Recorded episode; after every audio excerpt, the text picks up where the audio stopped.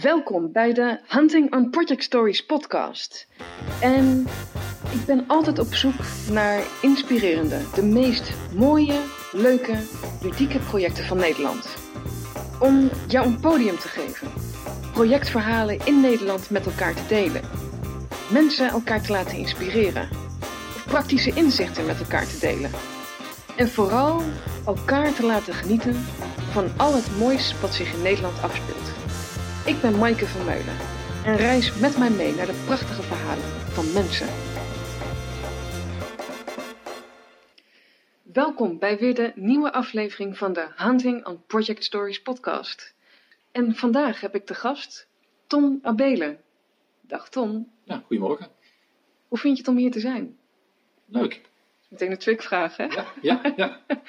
Je vindt het leuk? Ja. Nou ja, ik ook, want, want ehm, ik heb jouw boek mogen ontvangen, Tom. ja. Van science fiction naar de werkvloer. En dat heeft allemaal te maken natuurlijk met die golf waarop we zitten op het gebied van artificial intelligence. En jij helpt bedrijven ook, naast dat je ook lezingen verzorgt, om ja, AI ook toegankelijker te maken, meer begrijpbaar, maar ook wat ik hoor door jouw verhaal heen, eh, het bewust maken van wat is AI nou eigenlijk? Ja, klopt. Dus, dus laten we starten wat, wat jou betreft de definitie is van artificial intelligence. Ja, de definitie is altijd een mooi discutabel eh, dingetje. Eh, Als je vanuit technologie kijkt, eh, krijg je misschien wel honderd verschillende lezingen, die allemaal waarschijnlijk waar zijn, maar omdat het zo'n breed onderwerp is. Dus ik vind eigenlijk dat je artificial intelligence niet als technologie moet beschouwen, beschouwen, maar dat je gewoon moet kijken van wat kan ik daar nou mee en wat gaat mij dat in de praktijk helpen. En eh, misschien een heel kleine toelichting daarop is, eh, je hebt mijn eh, boekje daar, maar er zijn mensen die hebben veel dikkere boeken.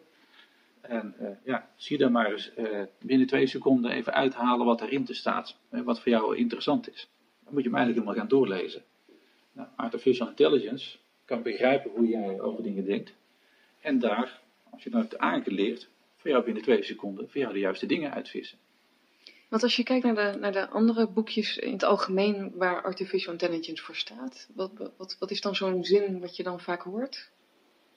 Eh, nou, dan gaat het meer over de definitie hè, van professoren, noem maar op. En dan is artificial intelligence eh, in eh, uiteindelijke vorm een vorm die zelf denkt, kan analyseren en zichzelf ook kan verbeteren. Eigenlijk zoals wij mensen denken, maar dan steroïden en iedereen tegelijk. Nou, dat klinkt natuurlijk heel eng, hè, want als een machine dus voor ons gaat denken en beslissingen gaat nemen, daarom zijn er ook veel mensen tegen hè, dat het ooit zou gaan komen. Ja, Maar zover zijn we nog helemaal niet. We moeten eerst de eerste chatbots nog maar eens fatsoenlijk laten praten met ons, eh, zonder dat we hilarische situaties krijgen. Dus dat, eh, daar is nog een hoop te, te doen in dat wereldje. ja. Want de, de een ziet het als een golf die, wat- wat op zich afkomt. En de ander die, die wilt eh, leren surfen op die golf. Eh, of sommigen zien de golf helemaal niet. Eh, Ja. Zoals ik gisteren ook met Christian Kromme besprak en in de podcast ook voorbij is gekomen. Ehm, hoe kijk jij daartegen in het bedrijfsleven? Wat zie jij terugkomen? Nou, Het rare is, artificial intelligence is eigenlijk al een idee sinds de eerste computer, rond 1900. hè, Zo'n ding met van die grote lampen erop. Toen Ja. zeiden mensen, al die dat ontwikkelden, zeiden ja, ooit gaat dit net zo denken als mensen. Dus is niet van nu, alleen we zitten nu in één keer in een tijdperk waar we heel veel capaciteit en processorcapaciteit hebben om dat eindelijk te kunnen doen. Dus die mensen zijn eigenlijk al 100 jaar te vroeg geboren geweest, zeg maar, eh, om hier ook iets mee te kunnen. Dus er zijn ook al mensen die al 35 jaar artificial intelligence gestudeerd hebben. En daar professor in zijn. Dus het bestaat eigenlijk al heel lang. Het is heel raar. Ja. Maar nu we technologische mogelijkheden hebben, kunnen we nu in één keer daar vandaag ook wat mee gaan doen. En wat fascineerde jou zo in artificial intelligence? Wat, wat maakte dat jij je hierin wilde specialiseren? Eh, ik zie hier kansen in dat je dingen echt compleet anders kunt gaan doen als dat je ooit hebt gedaan. We zitten ook allemaal geconditioneerd met informatieschaarste. Dus je hebt steekproeven vroeger gebruikt om dingen te kunnen doen. En het mooie is, eh, artificial intelligence stelt je in staat om alle informatie die er is echt te gebruiken, ook op persoonlijk niveau. Daar gaan we ook naartoe. Eh, over een jaar of tien heb jij je persoonlijke assistent. En die gaat jou precies vertellen, als jij zegt van nou, ik wil wat uh, fitter worden of wat dan ook, gaat hij die jouw dieet aanpassen en dan maar op. Allemaal specifiek voor jou. Dus niet een doelgroep van vrouwen van jouw leeftijd met dezelfde kenmerken. Nee, specifiek voor jou. Dat is namelijk de kracht wat artificial intelligence kan doen. Die kan alles voor je analyseren en met jou meedenken en jou dus kan ondersteunen in de doelen die je wil bereiken. Nou, dat kun je zakelijk doen en dat kun je privé doen. Je ziet nu nog veel privé dingetjes ontstaan. In de marketing wordt het al wat meer gebruikt. Te begrijpen waar praten mensen over, wat moet ik aanbieden. Uh, het nadeel van marketing is, de marketingmanager zegt altijd, ja 50% van mijn budget is weggegooid, ik weet alleen niet welke 50%. Dus als ik boven de 50% uitkom, vind ik het wel goed. Ja, uh, ik werk nu in een omgeving waarin met echte mensen gewerkt wordt. Ja, dan is 50% uh, kans dat iets goed gaat natuurlijk helemaal niet goed genoeg. Dan moet je naar 100% doen. Dus ligt de lat ook een stuk hoger.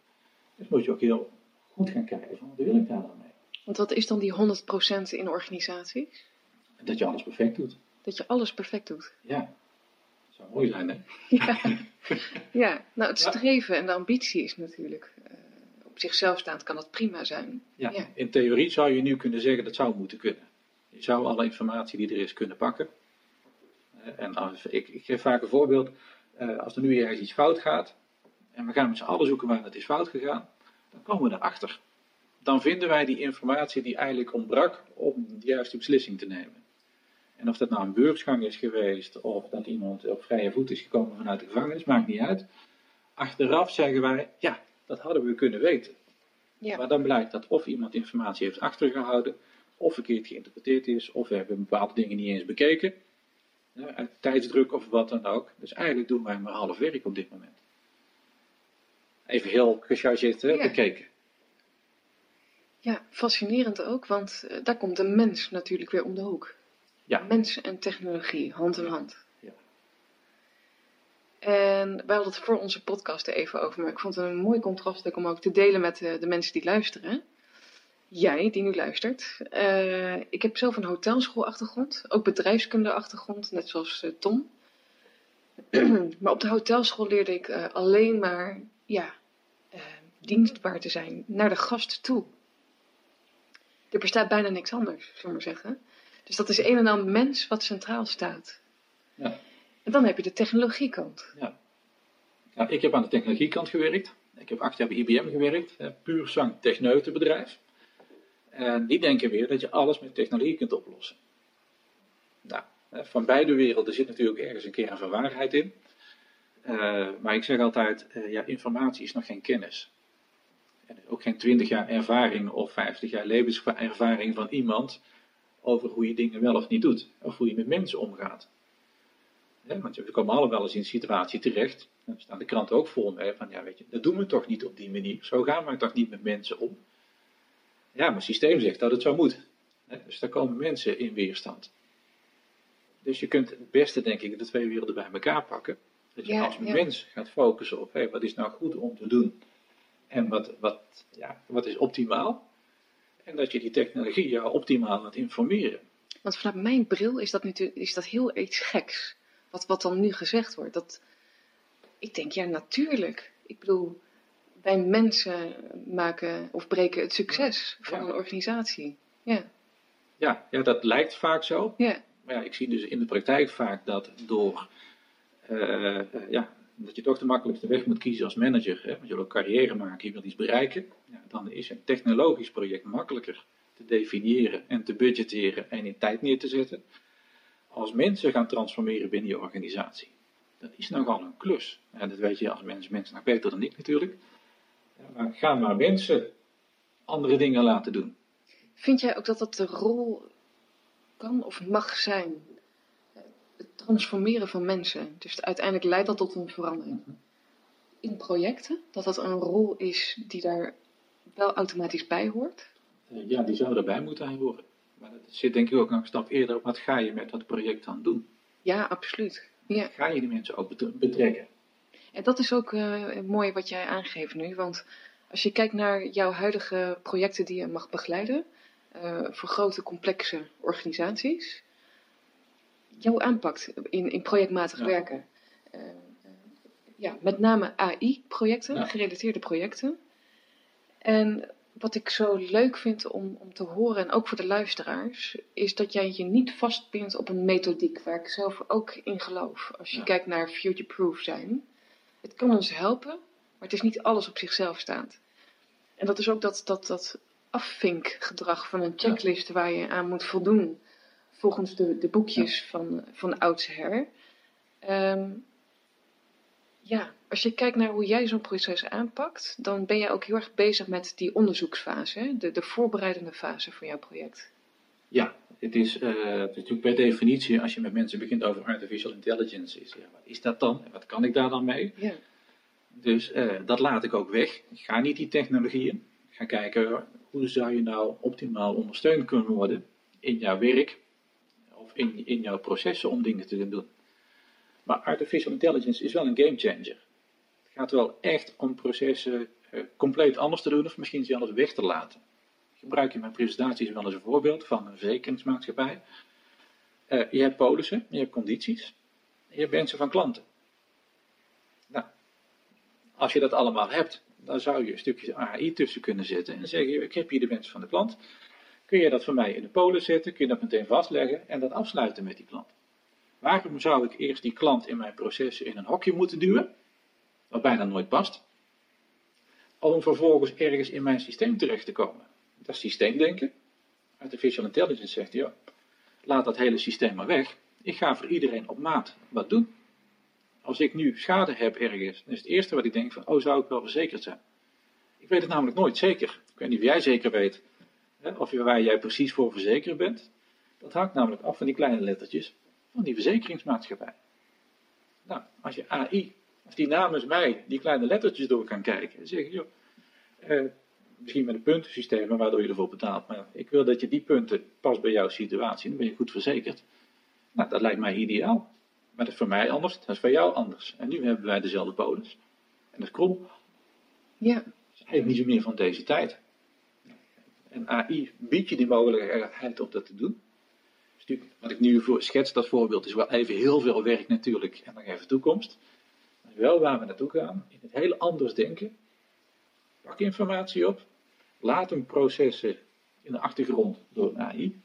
En gaan met die uitkomst mensenwerk doen.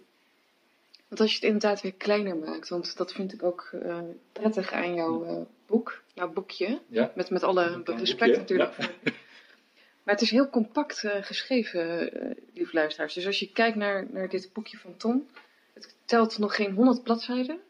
En heel compact en praktisch, ja, hoe jij aan de slag kunt met AI-facetten in jouw organisatie. Maar ja, weet je, weet ik veel allemaal. Ik vind dan maar een hoop gedoe. Hè? Dat, Ja. dat krijg je dan bij de gebruikerskant. Ja. Eh, laten we vooral kijken wat we nu nodig hebben. En leuk die toekomst, maar wat kan ik nu? Wat, wat gaat het opleveren? Ja. Hoe ga je daarmee om? Ja, nu is dat het belangrijkste. Want daar ben je nu mee bezig, daar ligt je aandacht. Eh, alleen ik vind, ja, nu, als ik daar morgen mee bezig ben, is het weer oud. Dat is heel simpel. En eh, management heeft vaak wel een visie waar ze naartoe willen. Die hebben ergens een beeld, allerlei rapporten, analyses gekregen, die zijn bezig met morgen. Dus op het moment dat je eh, met een project of een idee op een strategie van morgen aan kunt haken, en je kunt daar een oplossing voor bieden in een luisterend oor. Sterker nog, heb je commitment en budget om dingen te gaan doen. En dan ben je ook bezig met echt de transformatie van de organisatie naar de toekomst toe. Nou, dat klinkt allemaal heel groot, maar dat belooft klein te houden. Nou, allereerst ook de mensen, hè? want voordat die, die moeten ook eraan toe zijn om Ja. eh, over de strategie van de organisatie überhaupt na te denken. Ja, nou niet iedereen wil erover nadenken, ook niet. Hè? Dus eh, wat ik altijd doe in mijn projecten is gaan kijken wat is nou de strategie, visie van eh, de organisatie. Die willen ergens naartoe. En dan zeg ik, nou, ik wil gaan kijken bij je op de werkvloer hoe dat nu loopt. En hoe dingen gaan. Want ik weet namelijk zeker, management, als jij mij vertelt hoe dingen gaan, dat dit in de praktijk zeker weten anders is. Dat is gewoon 100%. Dat is overal. Ja. Eh, Iedereen heeft een mooie voorgevel, maar achter die voorgevel staat iedereen gewoon te roeien met de riemen die die heeft. Dat is heel simpel. Maar meestal werken er mensen die heel committed zijn en dingen voor elkaar willen krijgen. Dus die zijn ook heel handig geworden met systemen die er nu al zijn, om die anders te gebruiken als dat ze ooit voor bedoeld zijn, om dat werk maar verzet te krijgen.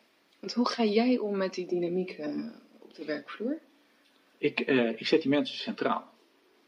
Dus ik ga die mensen, eh, neem ik mee in, in mijn wereld, zeg maar even. Laat ik zien wat er allemaal kan. Heel grappig is overigens, hè, als je ziet mensen in de praktijk, dat die veel makkelijker meegaan in die nieuwe wereld dan mensen uit die IT-omgeving.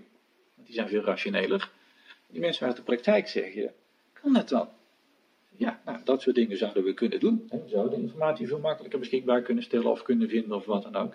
Want, want je zegt die mensen uit de praktijk en Ja. de mensen van de, van de techniek. Ja. Maar die, die zitten ook in de praktijk, toch? Eh, ja, maar dat is een andere praktijk natuurlijk. Hoe, Mensen hoe vanuit dat? techniek die zijn ondersteunend en moeten systemen draaiend houden. Dus die zitten heel erg op zekerheid. Hè, want als iets niet meer werkt, dan krijgen zij het eh, eh, te horen. Dus die zijn erg geconditioneerd op dingen laten draaien en, en barsten van de methodieken. Dat heb je ook in IT natuurlijk, hè, met IT-processen en maar op. En dat is allemaal heel erg gestroomlijnd. Ja. Hoe je dat het beste doet. Het nadeel daarvan is dat je dus heel moeilijk meebeweegt met enorm snelle nieuwe ontwikkelingen als artificial intelligence. Dat gaat met de snelheid van het licht. Terwijl je organisatie, als je een grote organisatie moet ondersteunen met een IT-proces, en je hebt de afgelopen tijd altijd horen gekregen, het werkt niet, dus het moet beter. Ja, dan ga je iets heel stabiels maken. Dan ga je beton gieten. Nou, iets van beton, dat is best moeilijk eh, te kneden naar iets eh, in de toekomst toe. Dus daar moet je wel ergens ruimte in zien te vinden om iets te kunnen gaan doen. Ja, dan kom je een beetje op de drie-eenheid. Je hebt management nodig om een stukje visie te moeten op wat te kunnen doen. Je hebt de praktijk echt goed begrijpen. Mensen ook gemotiveerd krijgen om mee te gaan doen. Dan komt er nog even een stukje innovatiemoeheid. Ja. En waar je zult ook de IT'ers ergens moeten motiveren om jou te gaan helpen met wat je wil gaan doen. Ja. Dus je vroeg mij naar, naar mijn aanpak. Ja, ik heb geen aanpak waar ik van tevoren een rapport schrijf van dit gaan we doen of we gaan precies daaruit komen. ja, en toch heeft uiteindelijk iedereen een, eh, een aanpak natuurlijk. Want je begint ergens en, en het eindigt Ja. ergens. Ja, dat klopt. En het eindigt ergens. Ja. Dus, dus jouw begin is vooral inventariseren, mensen centraal zetten, een bepaalde vibe creëren, beweging creëren. Ehm, Snappen wat mensen beweegt. Ook snappen wat de frustraties zijn van mensen. Hè, waarom ze bepaalde dingen niet kunnen doen of wat dan ook. Ja. Want, eh, als je die mensen kunt helpen, dan kunnen zij veel meer focussen op wat hun eigenlijke taak is. En geloof mij, op de werkvloer zitten heel veel mensen dingen te doen waar ze niet voor aangenomen zijn. Hè, maar allemaal bijkomende taakjes moeten doen, omdat anders het proces allemaal niet werkt. Er zitten allemaal onzinnige dingen over te kloppen van het ene systeem naar het andere systeem, want anders, hè, anders werkt dat niet. Hè, dat kun je niet zomaar koppelen. Dus die zitten allerlei dingen te doen en te zoeken en mailtjes te sturen naar mensen met vragen om weer verder te kunnen. Ja, dat is natuurlijk allemaal onzinnig werk. Als je even van hoog over kijkt, als die informatie er toch is, waarom moet je daar nou nog om vragen? Waarom kunnen we niet gewoon zorgen dat je die op een logische manier op het juiste moment krijgt? Ja. Nou, daar kun je weer een systeem voor gaan ontwikkelen. Maar dat hebben we in het verleden wel gezien. Hè? In, in de publiciteit is natuurlijk dat SVB en UWV langsgekomen. Hè? Waar honderden miljoenen uit zijn gegeven.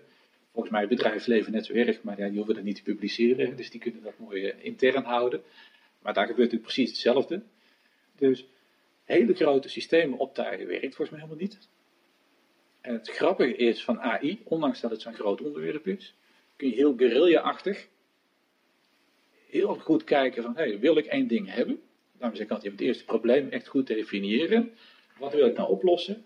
En als je dat hebt gedaan, dan ga je pas die technologie erbij zoeken. want wat zie je vooral in de praktijk? Zeg je daarmee dat eerst de technologie wordt Ja. gevoegd? Ja, vaak zegt men, hè, er zit een leverancier die zegt, joh, ik heb bij één iemand een trucje gedaan. Dat past bij jou ook.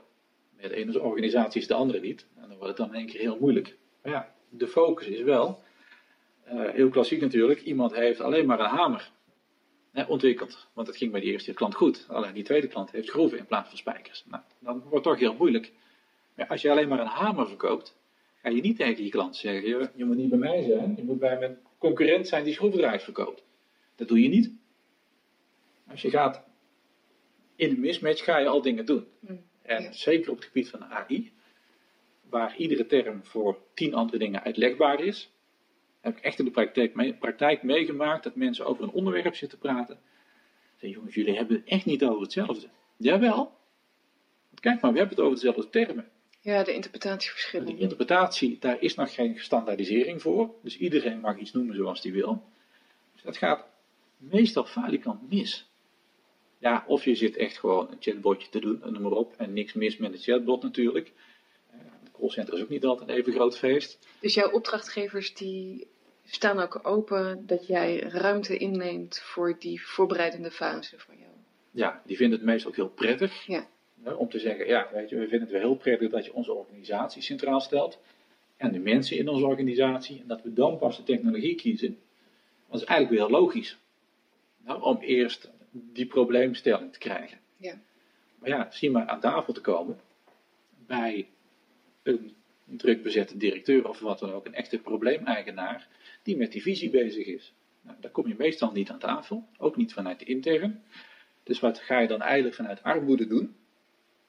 Dan maar naar je vrienden van IT die je wel kent. En daar een gratis een proof of concept of wat dan ook aanbieden. Om te zeggen, nou, zullen wij dan samen eens laten zien dat dat werkt? Want als we dat dan werkend krijgen, dan gaat de directie dat wel oppakken. Die directie is daar niet mee bezig. Die is met die toekomst bezig. Dus ja, het kost wat meer moeite om aan tafel te komen of een deur open te breken met een goed verhaal waar je naartoe zou moeten. Als je dat wel voor elkaar hebt, en dat is ook een beetje de essentie van het boekje, begin daar nou alsjeblieft. Want anders zit je bij de 95% technisch gelukte pilots. En die prachtig zijn, maar waar niemand op zat te wachten. Doe nou eens echt moeite om bij die 5% uit te komen. En hou die keuze van technologie echt, stel die gewoon echt uit totdat je weet wat je wil gaan doen. En dan zeg je tegen een partner van, dit is mijn probleemstelling, dit wil ik opgelost hebben, kun jij dat? En mijn ervaring is, als ik dat soort dingen voorleg aan partners, dat er ook mensen zeggen, ja, uh, dat kan ik er niet. Ja, je noemt het hetzelfde, maar nu je hebt uitgelegd wat, wat je echt nodig hebt, kan ik niet. Dan laten we geen risico lopen beide. Het moet wel passen bij wat ik kan. Ja, heel realistisch kijken. Ja, en zo krijg je een win-win-win situatie. Dat zowel de opdrachtgever als de klant als mensen op de werkvloer, als je die goed bij elkaar matcht, dan krijg je een prachtige chemie van wat er wel kan. Ja, dus ik hoor ook, um, je kijkt ook naar scenario's daarin, ja. wat, wat mogelijk komen zou kunnen. Uh, ja, stakeholder management hoor ik ook risicomanagement. Ja, ja, risicomanagement, het klinkt heel stom. Ik ben bezig met artificial intelligence. Ik kom bij organisaties binnen. Ik zeg, ik weet nog niet precies wat we gaan doen, maar we gaan wat gaafs doen. En toch ben ik zo risicomijdend als maar zijn kan. Waar zit dat in? Uh, dat ik uh, de problematiek heel klein maak. En dat ik zeker wil weten dat de technologie die ik eronder schuif uiteindelijk ook werkt. Ja. Als ik namelijk uh, nog moet gaan proberen of technologie werkt. En ik moet gaan kijken of ik een business rendement kan krijgen en noem maar op. Heb ik te veel risico's? Heb ik te veel schuivende vakken? Ja. Ik ben er erg groot voorstander van om het problematiek heel helder te krijgen. En niet in een rapport te zetten overigens, hè, maar gewoon echt een heldere doelstelling neer te zetten. Jongens, dit zou kunnen. En ik weet gelukkig vanuit mijn ervaring wat wel en niet kan. En dan gaan we daar een partij bij zoeken die dat kan. Maar die partij moet gewoon ook aan kunnen tonen dat hij dat al vaker gedaan heeft. Als je twee of meer risico's in een project stopt, is de kans heel groot dat mensen naar elkaar gaan zitten wijzen of dingen doen. En uh, waar ik ten alle tijde voor wil waken is als je iets gaat doen in een project en de technologie doet even niet wat het is, en dat, dat zie je helaas heel vaak, dan gaat in één keer alle aandacht naar die technologie. En uiteindelijk is budget op, en dan had je eigenlijk nog een user interface en aandacht moeten hebben voor de gebruikers. Ja, je tijd is op en je geld is op. En je technologie ging fout. Dus uiteindelijk is iedereen trots dat hij techniek doet. Maar ja, als je onderweg je gebruiker en andere mensen kwijt bent geraakt, ja, dan gaat dat dus niet meer vliegen in de praktijk. Nee. Wat, wat, wat zie ik dan bij Tom op zo'n moment? Uh, ik pak dat al veel eerder aan. Ik constateer dat ook continu, hè, dat dingen uh, wel of niet kunnen. Maar ik neem dan meteen een beslissing. Gaan we dat wel of niet doen? Ja, heel bewust schakelen. Schakelen, bijsturen. Eh, en zorg dat je scope ook zoveel ruimte biedt om te zorgen dat je richting dat rendement komt. Voor mij staat maar één ding vast. Rendement halen is gewoon laten zien dat iets heel veel toegevoegde waarde heeft. En dat moet je visueel maken. Dus je moet in een project een mooie interface om een stukje IT heen hebben, dat iedereen snapt wat daar gebeurt. Als je moet uitleggen, dan is het eigenlijk al niet meer van deze tijd. Er zijn een appjes tegenwoordig gemaakt waar er zit geen handleiding bij. Zo moet je dit soort projecten ook doen.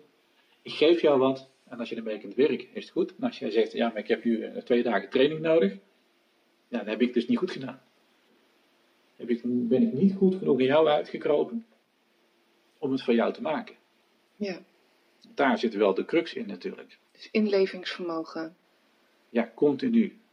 En gewoon durven bijstellen. En als ik zie dat jij bepaalde capabilities wel of niet hebt, dan kan ik wel zeggen, ja, die gaan maar bijleren, want anders kun je niet met mij doorwerken. Ja, zo werkt het niet. Nee.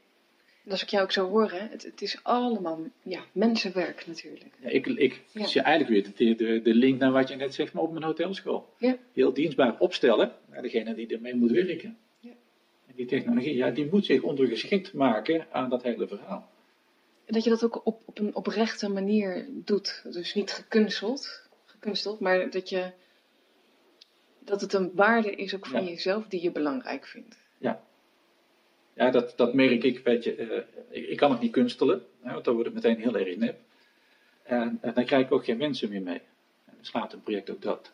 Ja. Ja, dus je kan nu, management eh, gaat mee, die zijn super gemotiveerd. Dat maakt het project en het leven natuurlijk een stuk makkelijker en levensvatbaarder. Een werkvloer moet je mensen echt mee zien te krijgen met een nieuw project. Dat was de innovatiemoeheid waar we het net al even over hadden. Dat is misschien een mooie. Ik zie gewoon dat ik in de werkvloer bij mensen aankom die zeggen, ja, je mag best meekijken, Don, maar eh wij gaan niet meedoen. En dan denk ik van, ja, weet je, shit, hoor, wat wordt dat dan? Nou, en waarom niet? Ja, ik heb al zoveel projecten meegedaan. Eh, iedere keer moet ik heel veel effort erin stoppen. Best effort eh, eh, hoef ik nooit meer eens te doen. En worst case scenario krijg ik nog een systeem erbij wat ik ook weer moet gaan vullen. En wat maakt dat, dat, wat zijn de factoren die kunnen meespelen waarom mensen dit zeggen? Omdat het ook zo is. Ja. Als ik bij jou langskom en ik vraag aan jou, ja, hoe werk jij? En ik kom dat allemaal inventariseren. En ik maak daar een mooi lijstje van. En ik vertrek weer. En dan ga ik ergens iets zitten ontwerpen wat dat moet doen. Maar natuurlijk beter. En dan kom ik vervolgens terug en dan zeg ik, kijk, ik heb een mooi nieuw systeem voor je gemaakt. Ja, de kans dat het aansluit op wat jij echt in de praktijk doet, is heel klein. Wat zie je dan bij de mens gebeuren op zo'n moment? Ja, deceptie. Deceptie. Ja, echt teleurstelling van, oh, dan hebben we weer een systeem. Ja, want die gaan meestal ook niet in één keer goed. Dus eh, dat kan veel beter. En daarvoor is ook dat, dat voortraject weer zo van belang. Van wat is nou wat we echt nodig hebben Ja. en draagvlak voor Ja. het totaal creëren. Ja. Ik ga op die werkvloer meekijken en dan zie ik mensen zeggen, ik doe iets vierkants en ze doen iets heel ronds. Om- omdat je gewoon uit je automatisme dingen doet. Maar dan zie ik ook mensen die pakken een schriftje erbij, een boekje erbij, een ander systeempje erbij. Waarom doe je dat allemaal? Ja, dat heb ik nog even nodig, want anders kan ik daar niet verder mee. Oh, dus je gebruikt veel meer dan dat je mij net verteld hebt. Eh, ja, eigenlijk wel. Je zei net tegen mij dat je het zo opschrijft en ik zie nu dat je het heel anders opschrijft. Is dat zo? Ja, weet je. Eh, met mensen meekijken en snappen wat ze echt aan het doen zijn. Nou, als je dat doorhebt, dan kun je dus ook met je ontwikkeling van je oplossing continu bijsturen. Ja, maar dat doen die mensen zo. Nee jongens, ik ben op de werkvloer geweest. Sterker nog, ik wil liefst op de werkvloer zitten ontwikkelen. Eh, zo werkt men hier niet. Dat werkt heel anders. En als je dat kunt laten zien aan mensen, kun je dat ook oppakken. Sterker nog, Ja, ja. eh, ik zie heel vaak dat we een ding aan het oplossen zijn. Dat mensen zeggen, ja, maar als dit kan, dan mag je die andere vijf stappen wel weglaten. Want die doe ik eigenlijk alleen maar om op een eindpunt terecht te komen. Dus je moet niet mensen gaan automatiseren, wat de praktijk vaak doet. Je moet gewoon mensen echt gaan faciliteren en wat hun behoefte is. Want als je kijkt naar wat er aankomt op het gebied van de AI Ja? en de rol van mensen ehm, en projectmatig werken, blijven mensen benodigd om projectsucces te verkrijgen? Of gaat de technologie dat ook deels overnemen? Technologie gaat iedereen ondersteunen. Ja. Er gaat niemand overnemen. De angst die bij mensen heerst. Ja, ja weet je, eh, vroeger had je datatypistes, die zijn er ook niet meer, hè, omdat we die geen brieven meer sturen. En nu zijn er nog mensen eh, die zitten facturen eh, over te kloppen die binnenkomen. Ja, die zullen ook gaan verdwijnen. Is dat niet door beter digitaal berichtenverkeer, dan is het wel artificial intelligence wat gewoon die factuur leest en die meteen processt. Dus al dat soort procesdingetjes, wat eigenlijk niks toevoegt aan het proces, maar alleen maar het verplaatsen van informatie is, ja, die gaan weg. Dan mag je vergif op innemen. Maar dat is al honderd jaar zo, weet je. Dat is toen we auto's gingen produceren. Eh, dat is gewoon de voortgang van de mens. Maar we doen qua inhoud ook veel meer dan 100 jaar geleden. Wat vraagt het van de, van de mensen die betrokken zijn bij projecten? Dus niet alleen die projectmanager, maar ook iedereen die van doen heeft met projecten. Wat vraagt het aan skills vanuit jouw optiek?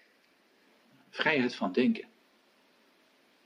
Ik kom heel weinig mensen tegen die open durven te staan voor nieuwe dingen. Of nog kunnen staan, omdat, omdat men zelf niet doorheeft dat het zo is. ja, dat heeft niks met leeftijd te maken. Nee. Ik vond het wel grappig. Ik had een eh, discussie gehad met wat mensen eh, eh, binnen mijn opdrachtgever. En ik liep daarna naar mijn auto en een van die mannen liep naast mij. Hij zegt, joh, als je mij zes maanden geleden had verteld wat je nu aan het doen bent, eh, had ik er niks van geloofd. Had ik je dus ook niet kunnen helpen. Hij zegt, maar ik heb de afgelopen zes maanden heb een aantal dingen van AI leren kennen. Dus ik snap nu dat wij dingen niet meer in hokjes moeten stoppen. Maar dat we gewoon alle informatie op een hoop mogen gooien, mogen gooien en daar toch heel veel waardevolle dingen uithalen. Hij zegt, het is een mindset. En ik heb toevallig net het licht gezien, dus ik ga jou heel graag helpen met jouw project. Ja. Ik snap nou hoe cool dit is als we dit kunnen doen. Hoe beter wij worden als organisatie. En ze mij vergissen hier niet. Er zijn nog heel veel mensen die zeggen nee, dat moet je eerst allemaal netjes in een hokje stoppen en netjes eh, allemaal opruimen voordat je ook maar iets kunt gaan doen. Wat is voor vrij denken nodig daarin? En eigenlijk niet zoveel. Een stukje ruimte om dat te kunnen en mogen doen. Ja, want dit heeft dan bijvoorbeeld zes maanden geduurd en dan krijg je dat terug. Maar wat maakt dan dat mensen eh, ja, op AI-gebied geïntrigeerd worden van, jeetje, hier wil ik meer van weten. Hoe neem jij de mensen mee? Eh, ik doe dat meestal in de vorm van, van workshops, waar ik mensen eh, stapsgewijs, ik wil nooit de futuroloog uithangen, hè, maar gewoon echt stapsgewijs, eh, hun tekortkomingen laat zien. Hè, hoe je met dingen omgaat en ook laat zien hoe je dat met nieuwe technologie wel zou kunnen doen. En tekortkomingen bijvoorbeeld, waar moet ik aan denken? Dat je helemaal niet in staat bent een dossier van 600 pagina's in 5 minuten door te lezen. Oké, Terwijl het wel van jou verwacht wordt. Hè, wil jij echt goed je werk kunnen doen? Wil je echt goed je werk kunnen doen? Moet je iedere processtap die jij doet, zou je eigenlijk een audit moeten doen en alles moeten checken wat er in een proces zit om te controleren of het goed is. Nou, dat kan niet. Zo'n systemen verzonnen, zeg maar. Maar dat is een, een, een, een openheid die ik in zo'n workshop meeneem. Stel nou dit het allemaal zou kunnen. En dan ga ik aan de slag met die mensen en dan stel ik de ultieme vraag. Stel dat alles zou kunnen. En dan heb ik ze al allerlei mooie dingen laten zien. Hoe zou jouw ideale werkomgeving er dan uitzien? En dan zul je verbaasd staan wat eruit komt, hoe simpel dat is. Krijg wel eens van opdrachtgevers, ja, als je die vraag stelt, hè, dan gaan ze meteen alles vragen, dat kan niet, moet je niet doen, want dan moet er wel eens terug gaan managen. De praktijk wijst uit dat het helemaal niet zo is. Want mensen die met hun werk bezig zijn, hebben hele realistische doelen en verwachtingen. Maar die kunnen je ook hartstikke helder aangeven waar hun werk veel makkelijker kan worden. En dat zit niet in het verzoek om nog meer informatie te mogen zoeken hoor. Want daar zijn ze helemaal klaar mee. Die willen met hun vak bezig zijn. Dus eigenlijk komt er meestal uit die workshops van mij dat mensen zeggen: mag ik alsjeblieft focussen op mijn vak? En wil je ervoor zorgen dat al die factoren daaromheen, die moeten bepalen of ik iets goed doe of niet. Als jij die wil automatiseren, heel graag. Hoef geen mailtjes meer te sturen, hoef geen vragen meer te stellen. Hoef ik niet meer te, controleren van heb ik nu al alle regels wel gevolgd? Heb ik al informatie wel eh, beschikbaar? Als jij mij kunt garanderen dat alle informatie voor mij doorzocht is en aan mij gepresenteerd wordt, oh jongen, dan ben ik zo gelukkig. Dan mag ik namelijk weer als mens en toegevoegde waarde laten zien. En dat mag ik dan de hele dag doen. Ja. Frustraties weghalen, noem ik dat ook wel eens. En uiteindelijk noemen we dat dan ergens, uh, in het project waar ik nu werk, noemen we dat ook wel eens een digitale rechterhand. Dat je ergens op je schouder een dingetje hebt die meekijkt, die je alles mag vragen, die alles voor jou regelt. Nou, dat is ideaal. Ja, het klinkt ook heel erg romantisch ergens, maar het is ook realistisch. Het is super realistisch, maar je moet er wel naartoe werken. Want er is denk ik niet één organisatie waar die informatie even voor het grijpen ligt. Dus, en, uh, vind ik ook wel een mooie met AI. Er zijn wel mensen die zeggen van, nou weet je, dat laat maar aan mij voorbij gaan. En als dat over een jaar of vier, vijf er is, dan stap ik ook wel in. Maar zo werkt dat helaas dan weer niet bij AI. Want jouw kennis van je organisatie en wat je uniek maakt, zit in jouw organisatie. Ja, die processen door. Dus dat is. Ja, ja en, en om al die kennis uh, voor een deel over te dragen aan AI, dat moet je leren aan dat systeem. Je kunt niet zeggen: ik koop morgen een doos en dan ben ik klaar.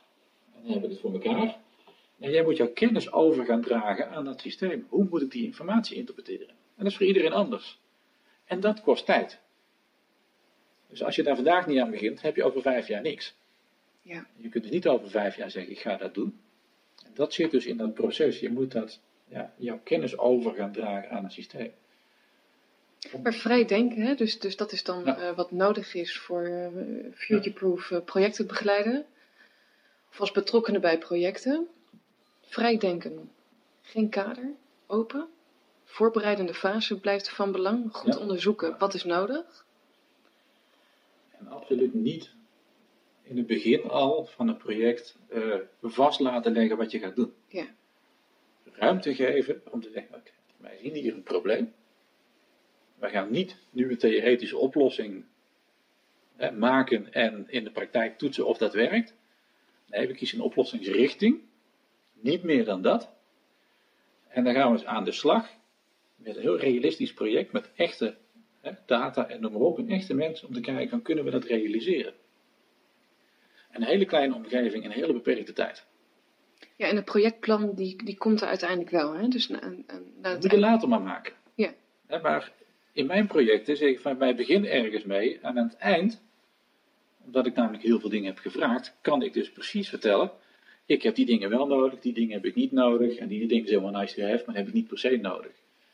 En door die aanpak heb ik ook geen last dat ik van tevoren heel veel hoepels door moet, omdat ik heel veel dingen wil hebben.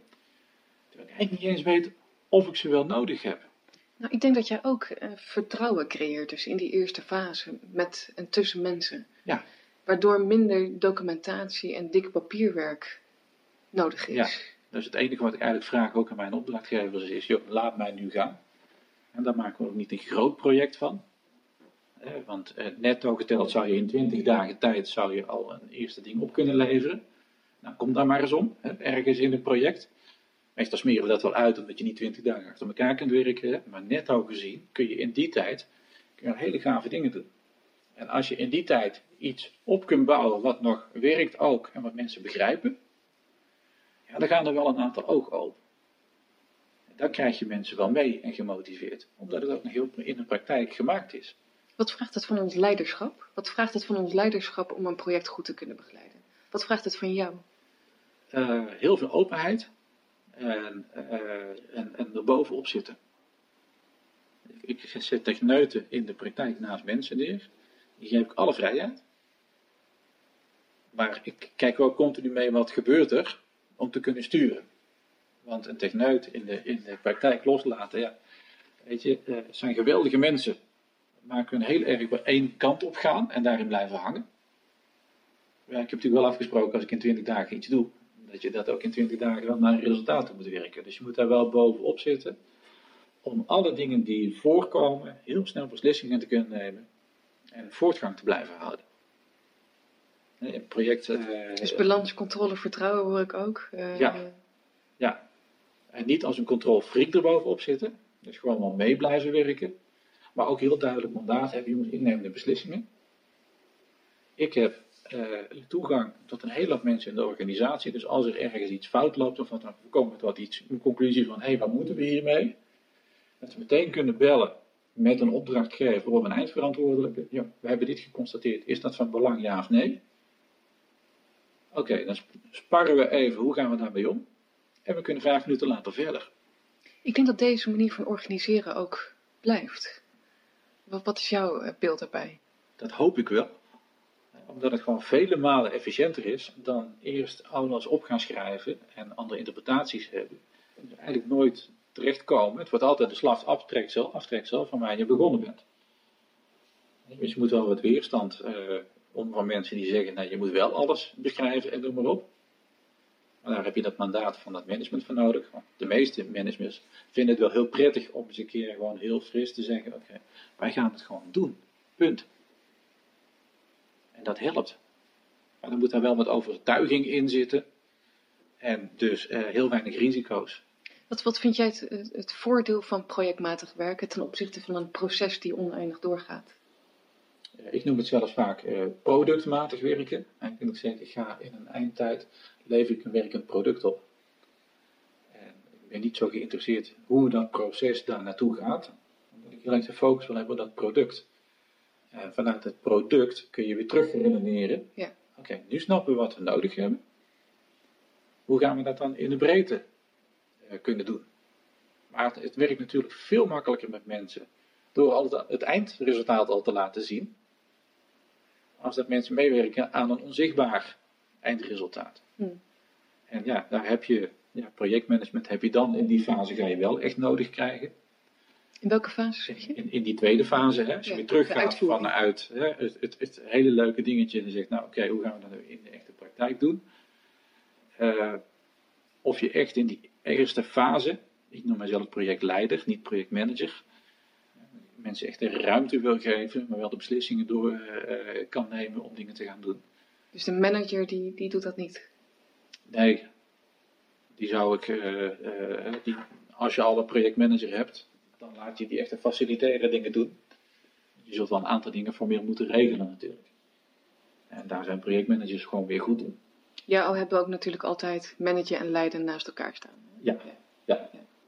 En, uh, ja, ik ben daar ook geen persoon voor hè, om, om, dingen te managen, want dan moet ik allerlei schema's bij gaan zitten houden. Daar ben ik heel erg slecht in. Uh, ik ben van afstand houden, kijken wat gebeurt er. Uh, snel constateren dat er iets gebeurt wat niet richting dat einddoel gaat wat je hebt afgesproken. En daarop blijven sturen. Hoe kunnen mensen morgen al starten met, met de technologie, wat dan valt onder de noemer AI? Door een, een, probleem vast te stellen. Van, hè, daar zou ik graag wat mee willen doen. Wat voor voorbeelden zie jij in de praktijk? In, in bullet points voor mensen die daar minder feeling bij hebben? Wat, waar moeten ze aan denken? Uh, je, hebt, je, hebt, een aantal uh, dingen die makkelijk te doen zijn. Uh, je hebt chatbots, die zijn goed te doen op dit moment. Dus daar kun je al heel uh, efficiënte dingen mee doen en wat ervaring mee opdoen. Die kun je overigens uh, voor HR ook inzetten. Hoeft niet per se met je klanten te zijn, maar iemand die uh, IT-technische vragen heeft, hoe die zijn paswoord moet resetten, er maar op. Ja, al die veel voorkomende vragen, die zou je ideaal door een chatbot kunnen laten opzetten. Yeah. En dan waai je al snel uit in allerlei andere vormen waar je zegt van nou, welke vormen heb je? je, hebt, je kunt teksten analyseren, je kunt cijfers analyseren, je kunt beelden analyseren. Dat is een beetje de grofweg, de drie dingen. Ja. En je ziet op dit moment heel veel wat er geroepen wordt over gezichtsherkenning. En daar kun je dingen mee. is wel leuk, maar vaak nog in experimenteel gebied want ik, sta ook wel eens voor zo'n ding en dan zegt hij van, nou, je bent serieus. Nee, dat is gewoon mijn, uh, van mijn gezicht zeg maar even de neutrale stand. en als ik toevallig ergens optrappen pijn doet, wil niet zeggen dat ik dan ook meteen de beleving heb bij een product waar ik naar toevallig sta te kijken. Dus dat is heel discutabel wat daarmee gebeurt. Je zou veel meer kunnen kijken naar uh, data van sensoren, noem maar op. Want daar kun je heel veel, dan heb je grote volumes, kun je heel veel trends uithalen. In, in organisaties, waar moet ik dan aan denken? Uh, uh, er zijn zelfs mensen die stoppen sensoren in ruimtes om te kijken welke ruimtes worden wel en niet gebruikt. En welke moet ik nog gaan schoonmaken. Ja. Dat soort simpele dingen. Je kunt sensoren ook op uh, machines plakken. Om te kijken van, hé, hey, wanneer is er onderhoud nodig? Als die machine altijd hetzelfde trillingje heeft, maar dat begint af te wijken. Ja, dat horen zie je nog niet. Maar die sensor die kan dat wel eh, vastleggen en daardoor krijg je toch steeds meer informatie. Ja, ja. Dus eh, je hebt ja, honderdduizenden voorbeelden. En marketing natuurlijk. Hè, hoe ga je met je cijfers om? Waar praten mensen veel over? Ik heb partijen die gebruiken AI om een profiel van een bedrijf te maken. Dat is ook een stukje marketingtechnisch. Ja, maar ja, weet je, vanuit salesperspectief wil je natuurlijk goed begrijpen wie jouw klant is. Maar je kunt er niet de hele dag gaan zitten volgen. Nee. Maar het is wel handig als een klant van jou, of misschien een potentiële klant, zegt: joh, hey, ik sta nu in Italië, een fabrieksbezoek hè, van, ik noem maar wat, graafmachines. Ja, dus weer die ondersteunende, Ja. zelfs ontzorgende. Ja, maar als, als dat ding tegen jou zegt: joh, die mensen zijn waarschijnlijk in de markt voor graafmachines te kopen, want anders waren ze niet naar een fabriek in Italië gegaan om te kijken naar de nieuwste. Is dat voor jou een lead om ook eens contact op te nemen met die mensen als jij ook graafmachines verkoopt? Ja. Dan ga je niet zitten wachten tot er een offerteaanvraag binnenkomt, die misschien wel nooit komt. Maar Dan pak je dus signalen op uit jaarverslagen, uit social media, noem maar op, en een beeld vormt van jouw klant of je potentiële klant, om wat mee te gaan doen. Nou, dat, dat Hoe je- kijk jij daarnaar? De, de, de, de mogelijkheden zijn oneindig. Het, Ja. is, het is prachtig. Of, of wat, wat, Ja, ik zie je nu lachen. Wat, eh, Ja, ja, het, het is oneindig. ja. Dat, daar komt ook geen eind aan. hè. We, we zijn echt een grens overgestapt dat we eh, al die dingen zo kunnen analyseren en daar dus heel veel mee kunnen. Ja. Maar ook nog heel veel niet. Maar komt er dan ook zo'n zo'n blij jongetje naar boven in jou van yes, ik vind het echt gaaf wat er allemaal gebeurt. Ik geniet van de tijden waarin we leven. Eh, eh, ja en nee. Eh, omdat ik al zei, we zijn, ik had net al over, weet je, 95% van, van de, de, testen hiermee, die slagen niet. En ik vind het echt zonde, dat al die energie die erin gaat, voor mensen die er heel positief aan begonnen zijn en gemotiveerd zijn van, nou, we gaan wat gaafs maken. Ja. En dat dan uiteindelijk iemand zegt, ja, we zitten niet op te wachten, of het past net niet, of wat dan ook. Wat is project succes voor jou? Eh, dat je iets oplevert waarvan mensen op de banken staan. En als je zegt, dit gaan we in het groot eh, uitrollen. Dat een opdrachtgever of een manager of wat dan ook zegt, joh, zeg maar hoeveel geld je nodig hebt. Of wat dan ook, zeg maar wat je nodig hebt. Dit gaan we doen. Want dit is een gamechanger voor mijn organisatie. En hierdoor gaan wij echt nou eindelijk eens een keer doen wat we altijd al wilden en alle frustraties weggaan. En dat kan. En terugkomt op je vraag net, waar kun je dan klein beginnen? Ja, pak iets wat impact heeft binnen je organisatie. Want het wordt toch zichtbaar, dus pak dan iets wat ook nog echt effect heeft. Eh, waardoor je zelf ervaring gaat opdoen. Dus je moet ook dat niet te groot maken. Waardoor je gaat ervaren van, hé, hey, dit is cool. Ja, dit zetten we door, maar nu zie ik nog 10.000 mogelijkheden binnen mijn organisatie. Om mijn organisatie helemaal te gaan transformeren. Maar laat jij ook die mogelijkheden zien in organisaties? Want Altijd. het is het bekende gegeven van wat ik Ja. niet weet, kan ik niet vragen. Ja, dat is het grootste dilemma. Zeker als je aan de, aan de managementkant zit, overigens ook aan de IT-kant. En dat beeld is heel breed en het is ook heel eng, met artificial intelligence. Dus dan is het de kunst. Ik doe dat altijd aan de hand van metaforen, noem maar op. Om te laten zien van, hé, hey, wat gebeurt er nou als je dat wel in zou zetten? Stel, jij bent een eh, cd-verkoper en morgen begint iemand Spotify. Ja, dan zul je heel snel moeten acteren. Dan kun je niet zeggen van, nou ja, ik heb wel mijn winkeltjes, dus ik, kan er niet in één keer mee stoppen. Dus ik ga wat doen. Maar misschien is op dat moment jouw balans nog positief. En moet je dit wel doen, dan zou je misschien wel die beslissing hebben moeten nemen, à la free job. Joh, wij stoppen vandaag en wij gaan mee in nieuwe technologie om ook een positie in die markt te krijgen. Alleen je ziet vaak niet aankomen dat het zo snel gaat, hè, dat het 1, 2 jaar kost. Ja. Dus jij helpt ook met die mogelijkheden laten zien in organisaties. Ja, laten zien. ze kunnen Ja, eh, opgaan. Ja. ja.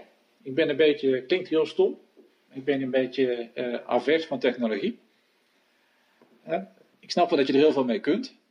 Alleen die hoe en noem maar op vind ik niet zo heel belangrijk. Het gaat me echt de focus op wat kun je daar nou mee. Hoe krijg je daar nou echt een goed beeld bij. En dat is een beetje inderdaad de kip en het ei. Dus het is de kunst om mensen uit de praktijk, zonder dat ze ook met technologie bezig gaan zijn, te laten zien van nou, wat kan daar dan mee. Ja. En dat is ja, voor mij ondertussen niet zo moeilijk meer, omdat ik nu een aantal keer eh, al gedaan heb heb je dat kunstje wel in de vingers. Maar dat is ook heel erg leuk om te doen. Want op het moment dat mensen die ergens over gaan enthousiast worden, dan gaan er een keer heel veel deuren open. Ook voor die mensen in die organisatie zelf, om wel dingen te mogen doen. Ja. En dan krijg je dus iedereen mee in jouw project. En dan heb je geen bieren meer op de weg. Wat, wat is de laatste tip die jij zou willen geven? Aan, die stel ik ook aan iedere gast. eh, Ja. Van, ehm, wat zijn de tips die jij wil, geven aan mensen die betrokken zijn bij projecten? Dus niet alleen de projectmanager of de projectleider, of, of geef het een naam die eh, in charge is, Ja. maar misschien ook aan de opdrachtgever of mensen die in het projectteam zitten. Wat zou je hun willen meegeven? Eh, een paar dingen. Enerzijds is, blijf vooral jezelf. Hè, hou rekening dat je met mensen eh, bezig bent. En geef mensen ook de ruimte om ze te vragen, ja, wat is nou de impact hiervan op jou? En Op vaak- jou, op jouzelf. Op jou, ja. En vaak kom je binnenstormen met een stukje iets nieuws. Wat eerlijk gezegd in het begin toch altijd een beetje bedreigend is en spannend is. Eh, En dan heeft het niet heel veel nut om heel veel dingen uit te gaan leggen. Als je niet vraagt, joh, wat zou dat voor jou betekenen? Als jouw wereld er morgen heel anders uitziet. Want daar gaat het tenslotte wel over. Eh, En dan kun je daar rekening mee houden. Maar dan neem je ook mensen mee. Dan ben je niet meer de bedreiging, maar dan gaan mensen zeggen van, nou weet je, ja, als ik zelf mee aan het roer mag staan, zou ik dat weer heel gaaf vinden. Dus dat is misschien wel, eh, als ik het zo zeg, de belangrijkste, is laat mensen meesturen. Ik ben meestal wel de kapitein op het schip, zeg maar, hè, omdat ik ergens een, een opdracht heb. Maar ik laat heel veel mensen mee bepalen welke koers wij varen. Ja. Want daar zit heel veel ruimte in. En als je mensen ruimte geeft en met respect behandelt, je hebt heel veel mensen nodig, hè, er zit over heel veel kennis in die jij toch niet kunt hebben, laat mensen gewoon die kennis delen en bijdragen aan dat project. En dan krijg je een prachtig groot team. Ik neem altijd mensen ook in projecten mee. Kom eens mee naar de werkvloer en kom eens mee naar IT. Mensen hebben elkaar nog nooit gesproken. De ene support de ander al 15 jaar. En weet gewoon niet hoe die mensen eruit zien. Nee. Oh, doen die mensen dat zo? Zeg jij leuk hè? Dus gewoon een beetje chemie creëren en zorg dat er een goede vibe ontstaat. En dan kun je hele leuke dingen doen. Een beetje cre- chemie creëren en zorg dat er een goede vibe ontstaat. Ja, en dan waar we mee begonnen. eh, misschien is daar een boekje ook wel zo klein. Hou het ook heel klein wat je gaat doen. Ja. De verleiding is enorm groot. Oh, dan kunnen we ook dat, ook dat, ook dat, ook dat. Nee, maak een keuze. En wat doen we niet? Zeker weet dat die gaat werken. Dan kun je namelijk focussen op de cultuur en de organisatie en de mensen. Eh, En alles wat er nog bij komt kijken, wat je onvoorzien hebt. Maar als je daar nog drie dingen tegelijk bij gaat doen, die eigenlijk waarvan je niet zeker weet of het zo werkt, dan is je focus kwijt en ga je nergens komen. En jouw boek is overal te vinden? Dat is te krijgen bij rendementuitgeverij. Oké, goed. Dat kun je bestellen. Nou, kijk eens aan. Kunstmatige intelligentie op kantoor. Van science fiction naar de werkvloer. Ton, ik wil jou heel erg bedanken voor dit eh, mooie en plezierige gesprek met jou. Dankjewel. Dank je. Dankjewel voor het luisteren naar de Hunting on Project Stories podcast. Met de meest mooie, leerzame, ludieke verhalen van Nederland en de Benelux. Stay future-proof. Creëer jouw projectsucces. Projectmanagement is een populair vak. Met een reden. Kom naar het Futureproof Projectmanagement Festival. 8 oktober aanstaande. Hier wil je bij zijn. Op www.creatieacademy.nl vind je de early bird tickets tegen een zeer aantrekkelijke prijs. Wees er snel bij. Tot volgende week.